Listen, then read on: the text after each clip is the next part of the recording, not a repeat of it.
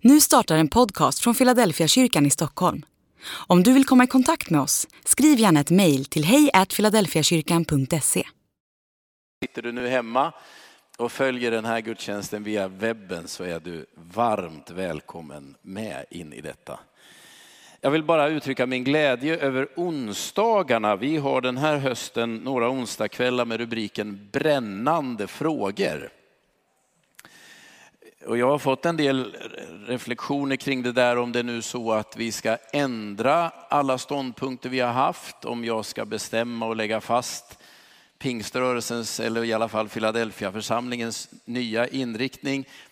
Det är kanske väl storslagna tankar. Min, min tanke har egentligen varit att vi läser några av bibelorden som rör de här frågorna som människor brottas med och försöker förstå hur kan man tillämpa de här texterna och vad betyder de? Så det är egentligen ett bibelstudium som ni är varmt välkomna till. Men det är frågor som jag tror att många av er kan tänka är viktiga att reflektera över. På onsdag som kommer 18.30 så kommer det handla om skilsmässa och omgifte.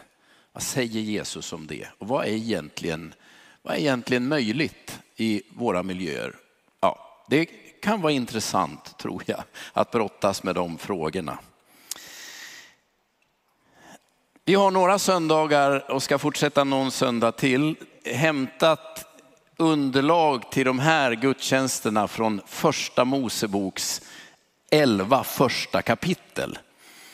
Och när man läser första Mosebok så inser man att de där elva första kapitlerna, det verkar vara en sorts alla människors berättelse.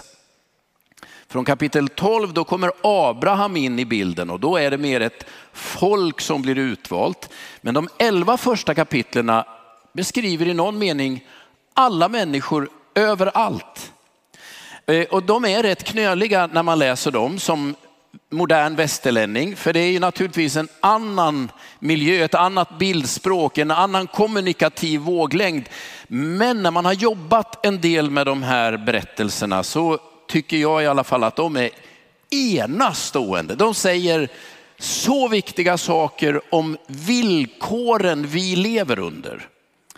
Vad har Gud skapat mig för? Hur ser min, mitt möjliga samspel med Gud ut? Vad är mitt ansvar gentemot alla andra och den här världen? Vad är det som, vad är det som gör att saker ibland går fel? Och hur kan man börja vrida dem rätt igen?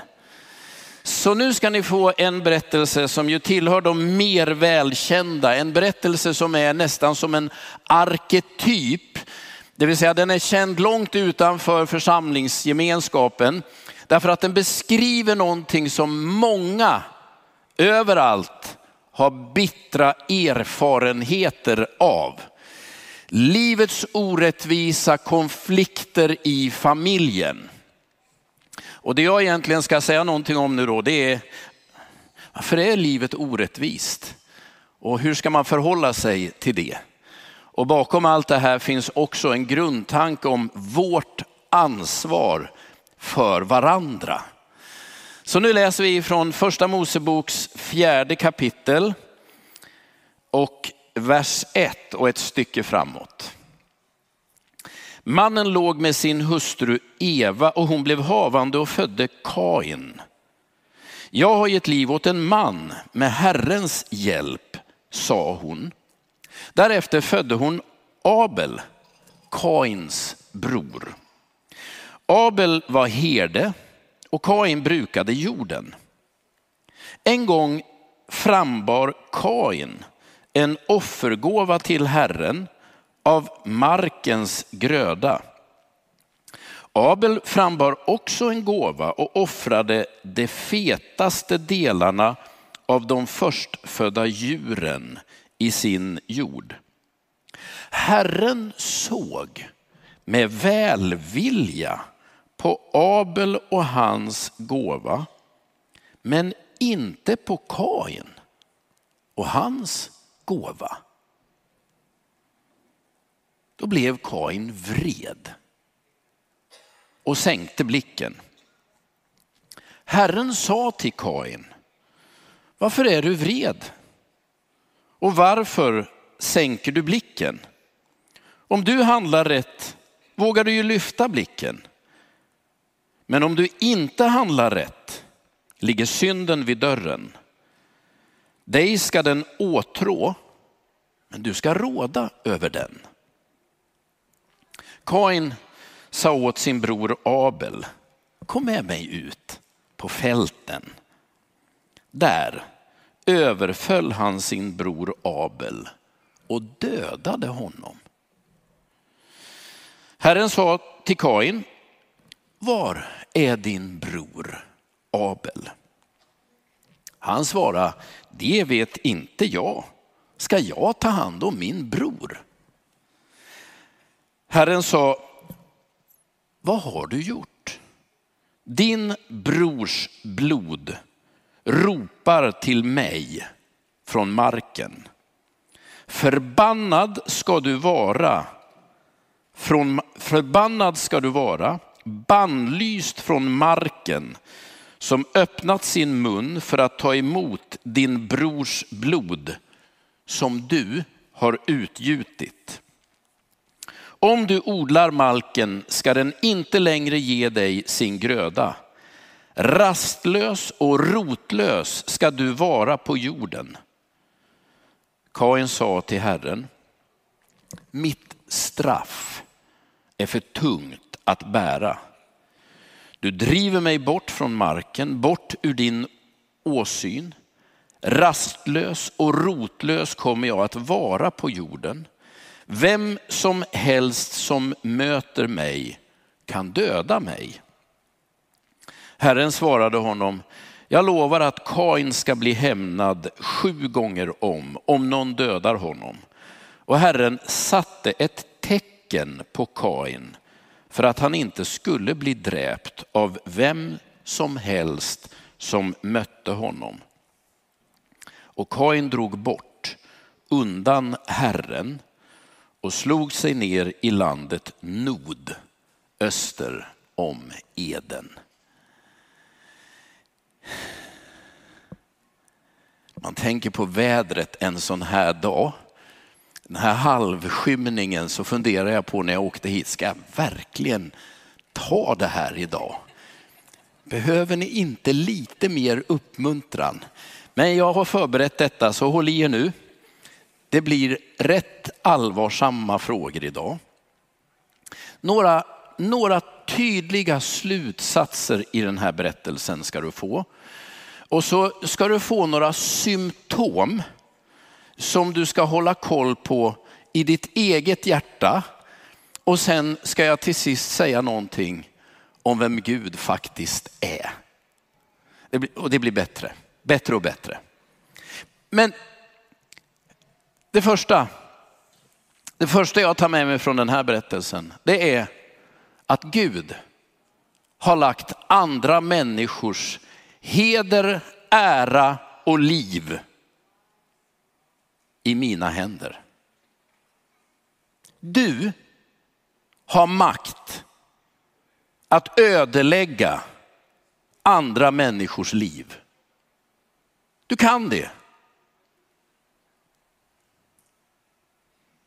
Låt nu den där sjunka in ordentligt. Du kan, du kan, Gud har gett dig mandat och möjlighet att börja förtala andra människor runt omkring dig. Sprida lögner om andra människor. Nej, de flesta av oss har inte ihjäl folk. Så långt går vi inte.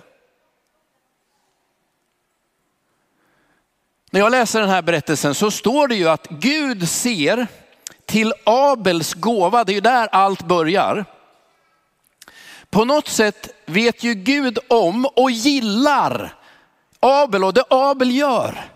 Och jag kan inte låta bli och åtminstone själv fundera på om nu Gud ändå hade någon sorts favör till Abels räkning, varför skyddar då inte Gud Abel när Kain ger sig på honom? Hänger ni med? Först verkar det som att när Abel kommer med sin gåva, då säger Gud, åh oh, detta är vad jag, jag, jag gillar dig Abel. Jag, jag vet ju inte hur det här gick till. Men sen i skarpt läge när Kain lägger sig på lur, det är ju inte så att Gud saknar information. Han vet precis vad som rör sig. I hjärtat på Kain, i hjärtat på Abel. Han vet vad Kain har för avsikt. Men det är som att Gud bara backar undan. Vad kan man dra för slutsats av den här berättelsen? Det var en ganska viktig slutsats. Dina medmänniskors öde har Gud lagt i dina händer. Känn på den. Om du bestämmer dig för att göra livet riktigt besvärligt för en annan människa så kan du bli framgångsrik. Om du vill ödelägga andra människors förtroende, undergräva deras rykte, kan du klara det. Det är en hisnande och förfärande tanke.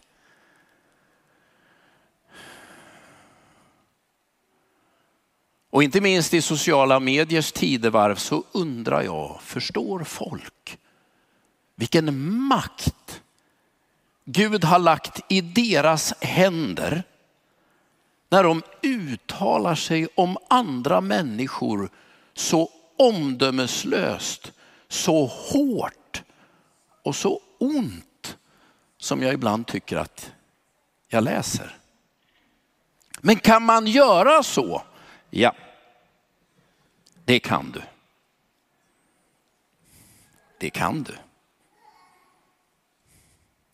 Och om man inser det, lyssna nu, om du inser att Gud har i dina händer, i mina händer, i alla andra människors händer, han har lagt mina systrar och mina bröders öde här. Om man förstår det, då blir man plötsligt förhoppningsvis lite mer varsam med vad man säger, något mer aktsam med vad man gör. Och det är till och med så att man börjar vaka över sina tankar.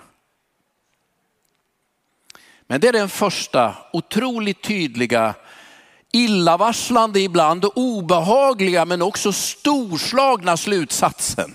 Gud har gett ett enormt förtroende till oss. Ska jag ta hand om min bror? Svar, ja. Vems ansvar är det när vi ser lidande människor, när våg efter våg kommer av flyktingar från Ukraina?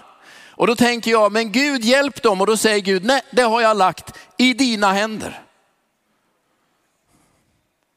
Jag försöker ju spela tillbaka den. Men jag inser att det ligger en enorm makt i våra händer.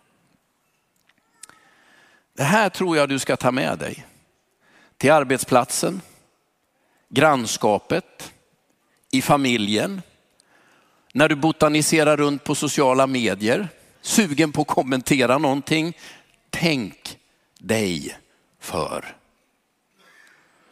Nej, jag tror man måste säga att alla människor på den här planeten, sju miljarder, det är kanske inte mina bröder. Det blir för stort, det är för mycket. Men de människor jag ger mig in i, i någon sorts dialog med, möter, interagerar med i min vardag. De finns i trapphuset där vi bor, de finns på arbetsplatserna där vi är. Tänk att det är din bror. Det är din syster. När ni diskuterar chefen, när ni diskuterar en medarbetare som det alltid skaver lite omkring, kom ihåg den makt som Gud har anförtrott åt dig när det gäller andra människors välbefinnande. Det är så viktigt. Här skulle jag nästan säga att, att jag är färdig. Men jag ska dra några grejer till. Det sätt, lyssna nu. Det sätt på vilket du hanterar dina systrar och bröder kommer du få ta full konsekvens av. Det finns en hake. Jo, Gud har gett andra människors heder, ära, rykte i mina händer. Jag kan göra vad jag vill. Och jag får ta full konsekvens av det jag gör. Hör du det? Det är det som händer för Kain. Han kan slå ihjäl sin bror. Men när han gör det så förlorar han allt han försökte vinna. Det finns ju något i, i Bibeln som man ibland kallar för lex talionis. Ni vet det här öga för öga, tand för tand. Det är egentligen inte en, en eh, förgrovning utan det var en begränsning.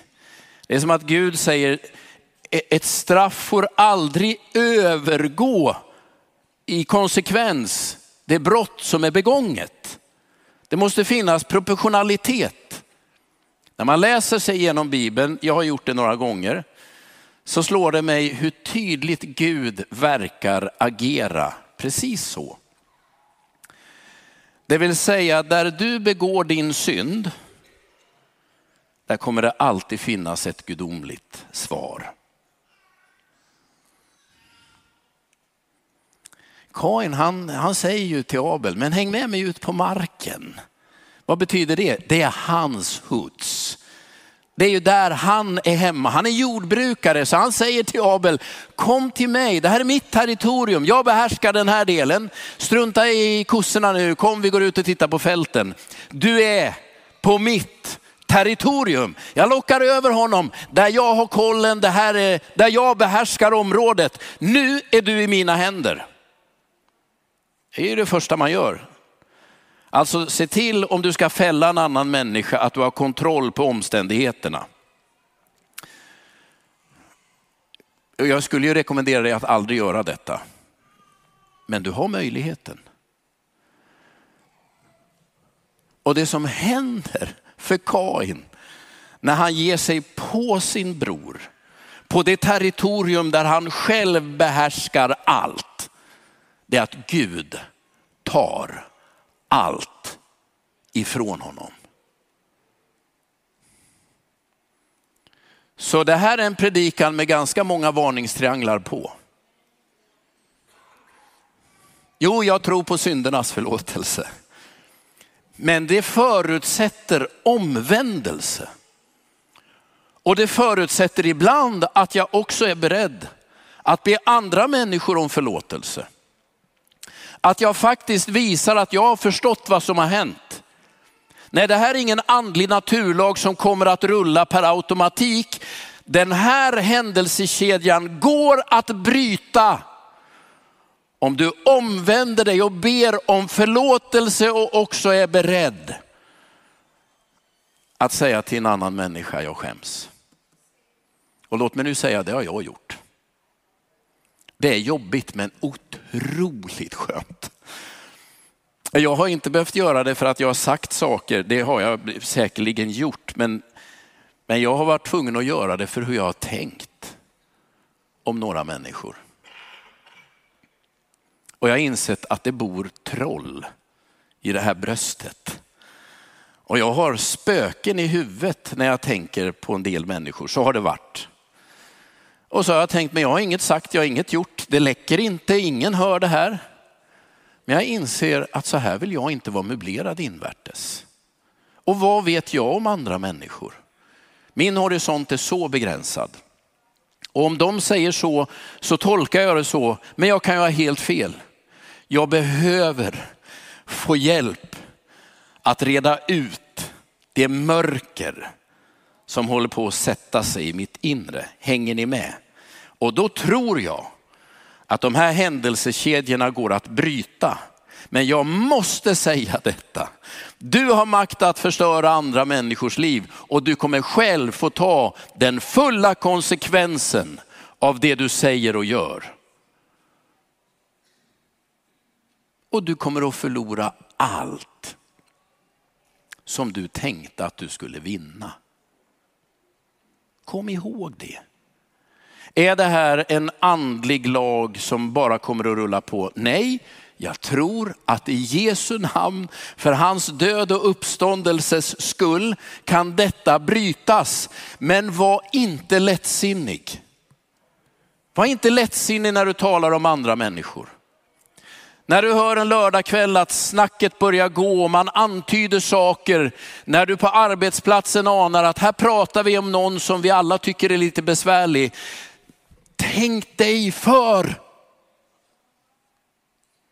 Det är vad jag läser i den här berättelsen. Ja, men tänk dig för. Var är din bror? Frågar Gud. Det är ju inte så att, att Gud saknar information i, ärendet. Men här kommer en liten läshjälp. När Gud ställer frågor, det händer ju då och då i Bibeln, så är det i regel därför att det finns ett förväntat ansvar. Du vet när barnen var små frågade ju inte jag när de var fem år, var har du parkerat bilen? Det är en helt, en helt meningslös fråga, det är inte deras uppgift. Däremot när de blev sju år, så kunde jag, eller tio år, så kunde jag fråga, har du gjort läxan? Jag visste ju i regel hur fallet var. Men frågan lockar ju ett ansvar, hänger ni med? När Gud frågar, var är din bror? Så är det därför att Gud förväntar sig ett ansvar. Men hur mår de omkring dig? Hur är det med din familj, med dina vänner? Det är det han frågar. Det är inte så att han saknar information. Han vet att det är ditt ansvar. Detta har Gud anförtrott dig. Det är ju det här som är det fantastiska och ibland det förskräckliga med en församling. Alltså jag älskar ju den här gemenskapen därför att här finns så många människor som har fattat sitt Kain-mandat. Jag har makt över mina systrar och bröder och jag tänker göra det på bästa sätt. Jag ska välsigna dem. Jag ska stötta, jag ska hjälpa, jag ska bära. Det är det här som man kan känna sig så otroligt ödmjuk inför i min roll. När vi säger det är kris i Ukraina så är det så många här utöver hela Sverige som öppnar sin plånbok. Varför? Det är min bror. Det är min syster som nu är på flykt. Ja, men de är så långt bort vi har inte sett det. Men någonting i mitt hjärta säger, jag kan inte ta mig ifrån det här ansvaret. Det är så vackert. Och samtidigt vet jag ju de här riskerna som också syns i vår gemenskap ibland. När snacket börjar gå. Eller en människa inte hittar in. Jag vet, vems ansvar är detta? Det är mitt. Det är vårt. Var är din bror? Hängde ni med? Vad är det man ska se upp med i sitt eget hjärta? När är det riskfyllt? Här kommer några viktiga saker. Gud ställer ju några frågor till eh, Kain. Ett, varför är du arg? Ja, men tänker jag, det är väl helt uppenbart. Du Gud är orättvis, skulle jag ha svarat. Eh, eh, här har jag kommit med en offergåva till dig från grödan. Och faktum är att det är ju odla marken som Gud sa till Adam att han skulle göra. Gud sa ingenting om fårfarmar, utan bara om att man skulle odla mark. Jag gör ju som du har sagt och så har jag burit fram det till dig och så verkar du inte gilla det. Men brorsan som håller på med kreatur, som du aldrig har sagt att vi ska göra, det gillar du. Jag har funderat på hur, hur ser de att Gud gillar Abel men inte Kain? Jag vet inte, men jag tänker att det måste varit uppenbart för dem båda. Gud är ju inte rättvis, eller hur? Nej, det här får man ju inte säga, men jag säger det. Det här är inte rättvist. Det är ju den känslan Kain har genom hela systemet. Här har jag gjort rätt. Jag har inte gjort något fel. Men jag ser ju att du välsignar någon annan, men inte mig. Det var min tur. Eh, några, några grejer till. Kain, det namnet. Det betyder ju något skapat, någonting kreativt. Abel, det betyder fläkt, vind. Alltså namnen säger ju allt. Kain, det är ju han den kreativa skaparen. Abel, ja men det är morgonfläkten. Kain är äldst. Enligt, enligt all tradition, all kultur står han först i kön. Det finns ju ändå en ordning i detta universum. Först, han ska bli välsignad först. Sen kan du ta Abel. Men det är som att Gud gör något helt annat. Det är klart man är besviken. Och så mycket har jag pratat med tillräckligt många av er för att veta, ni känner precis igen det här. Här har man skött sig ett helt liv, försökt lyda Gud, betalat sitt tionde, gått i kyrkan, ibland med glädje och ibland under förtvivlan, men gott har man i alla fall gjort och så har man ställt upp och kokat kaffe. Och sen ramlar livet ihop, mina barn mår inte bra, eh, ni vet. Men de andra, de hedningarna här bredvid, och där sitter allt ihop. Och så kan man säga att det är inte Guds fel. Jo, jo, men om det finns en Gud som har skapat himmel och jord, då har han koll på detta. Försök inte frita Gud från det här. Det är Gud välsignar Abel, men inte Kain. Klart man är bitter. Och jag kan bara ta det från min egen horisont. Här har jag läst Guds ord, böjt mina knän, försökt tjäna Herren i 30 år. Man ville sett lite mer kickback. Va? Och så dyker det upp andra som inte ens har läst teologi. De har inte ens gjort färdigt grundskolan.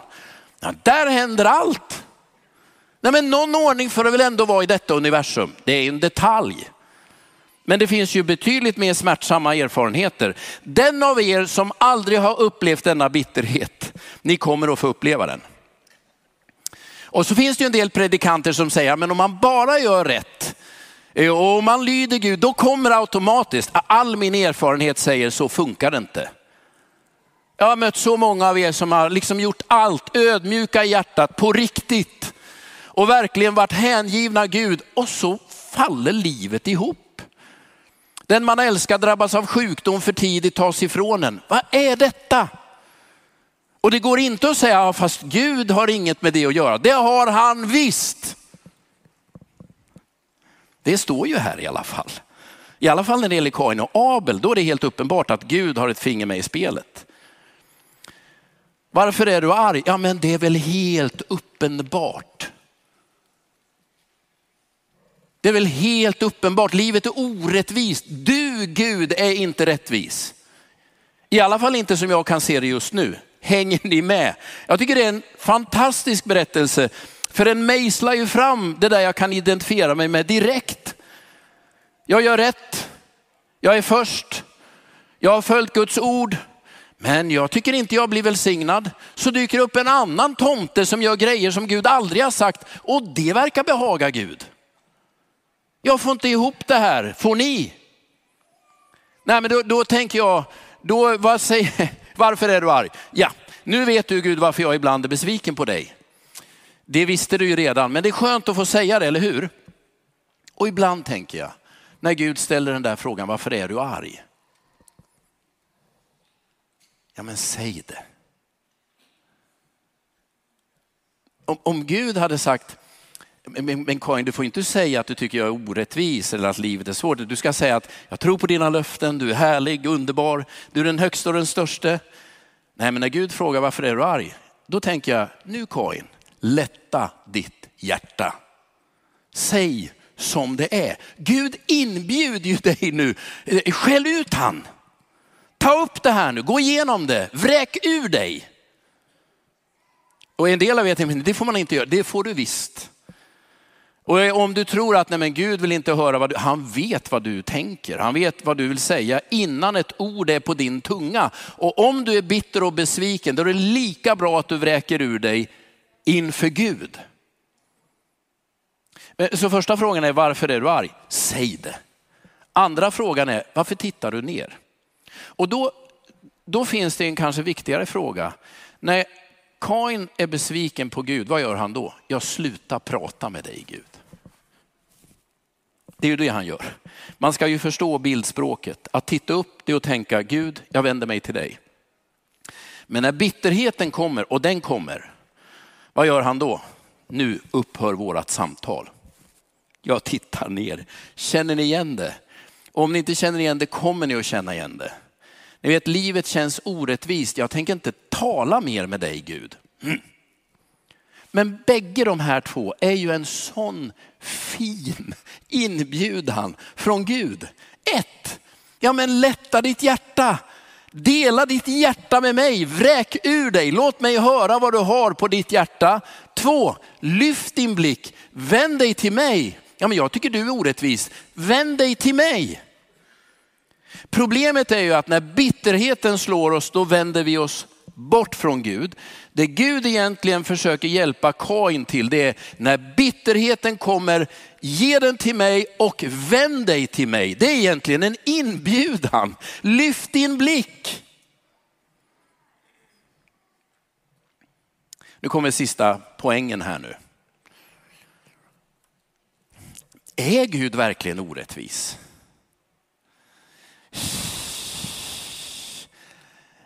Nej, det vill jag kanske inte säga fullt ut. Men jag måste nog ändå säga att, att jag ibland från mitt håll kan tycka att det kunde varit bättre ordning på grejer.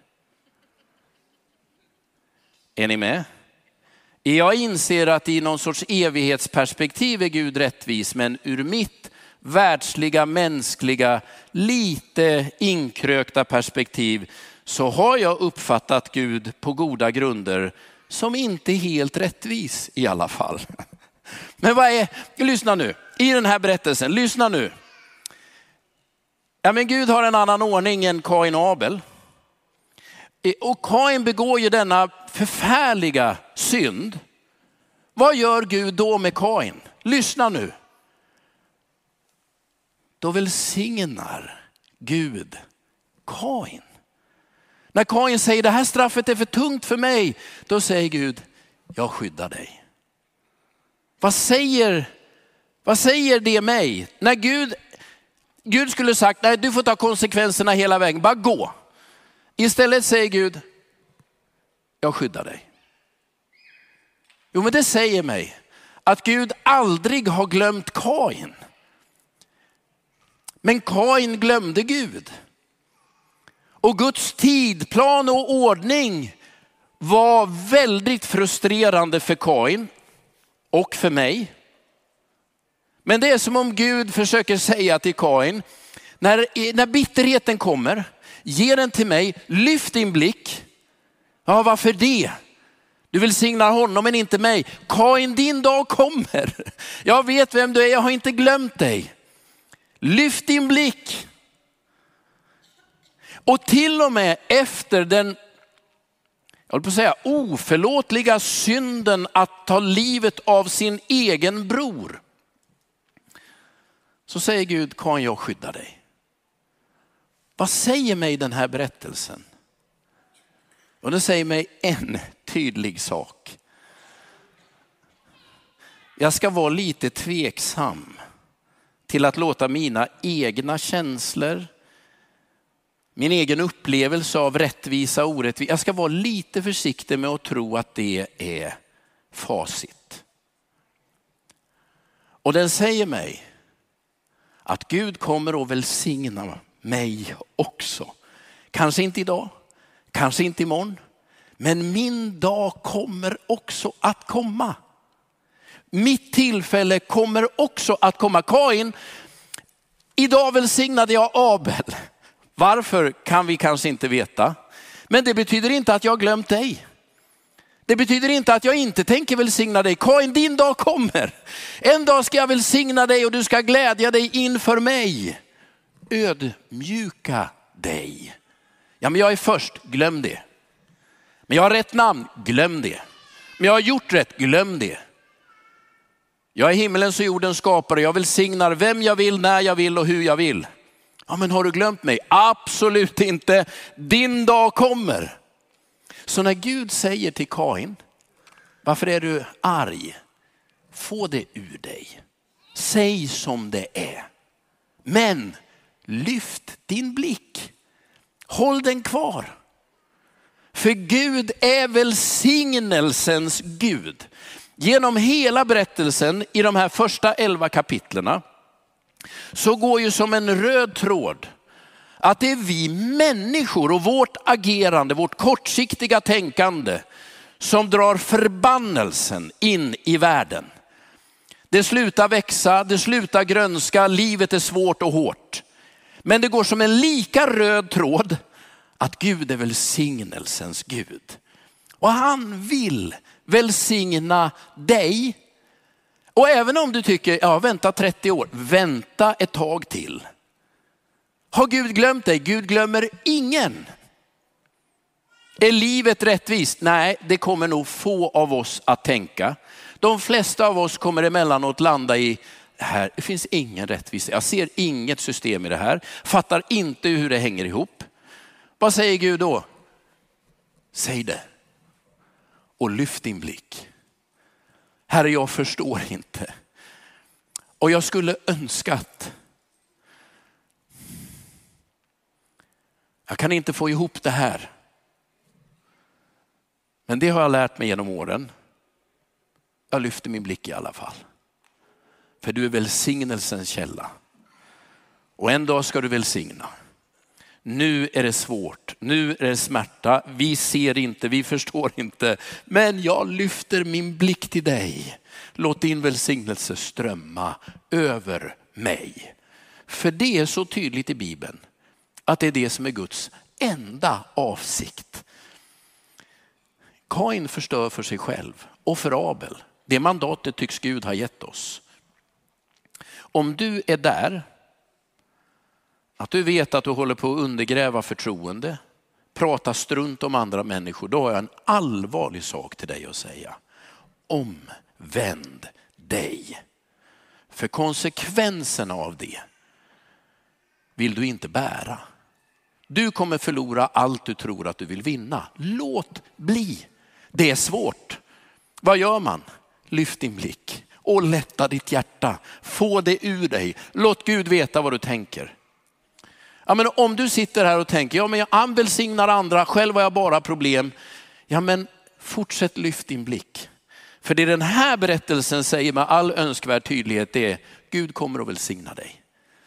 Även om det drog över tiden mot vad du tänkte. Gud har inte glömt dig. Din dag kommer. Och fram tills dess, lyft din blick. Gud är välsignelsens Gud. Låt honom ge det till dig. Ja, nu har jag ju kanske varit väl ofin i mina omdömen om Gud. Jag har ändå sagt att min, ni har hört lite av min egen brottning. Men så många människor jag har bett för det jag tänker Gud nu är det dags för dig att hela den här personen. Unga föräldrar, man tänker ta mig istället. Mina barn är vuxna men jag kan inte sköta det bytet heller. Förstår ni, jag får inte ihop detta. Och då har, jag, då har jag tänkt, det finns några saker jag gör. Ett, jag låter Gud veta exakt vad jag tycker. Du kan höra detta. Och när jag har fått tala ut med Herren, så här tycker jag, så här tänker jag. Hur funkar det här? Så säger jag, men om det är möjligt välsigna mig i alla fall. Låt din dag komma, låt din sol gå upp över mig. Gud är välsignelsens Gud. Lyft din blick. Så nu är det två saker jag bara vill inbjuda dig att be för innan jag går ner. Ett, du som sitter här och inser, det är lite mörkt i mitt hjärta. Jag säger saker om andra människor, jag gör saker mot andra människor, jag tänker saker om andra människor som är, som är så destruktiva. Du ska få chans att tänka bara, jag behöver hjälp att få släppa det. Jag behöver tänka kärlekens, värmens, omtankens, jag behöver de bästa tolkningsalternativen, inte de värsta. Jag behöver lära mig, Gud skruva rätt i mitt huvud, det ska vi strax be om. Och så du som sitter här och tänker, Gud välsignar alla andra, han har glömt mig. Det har han inte.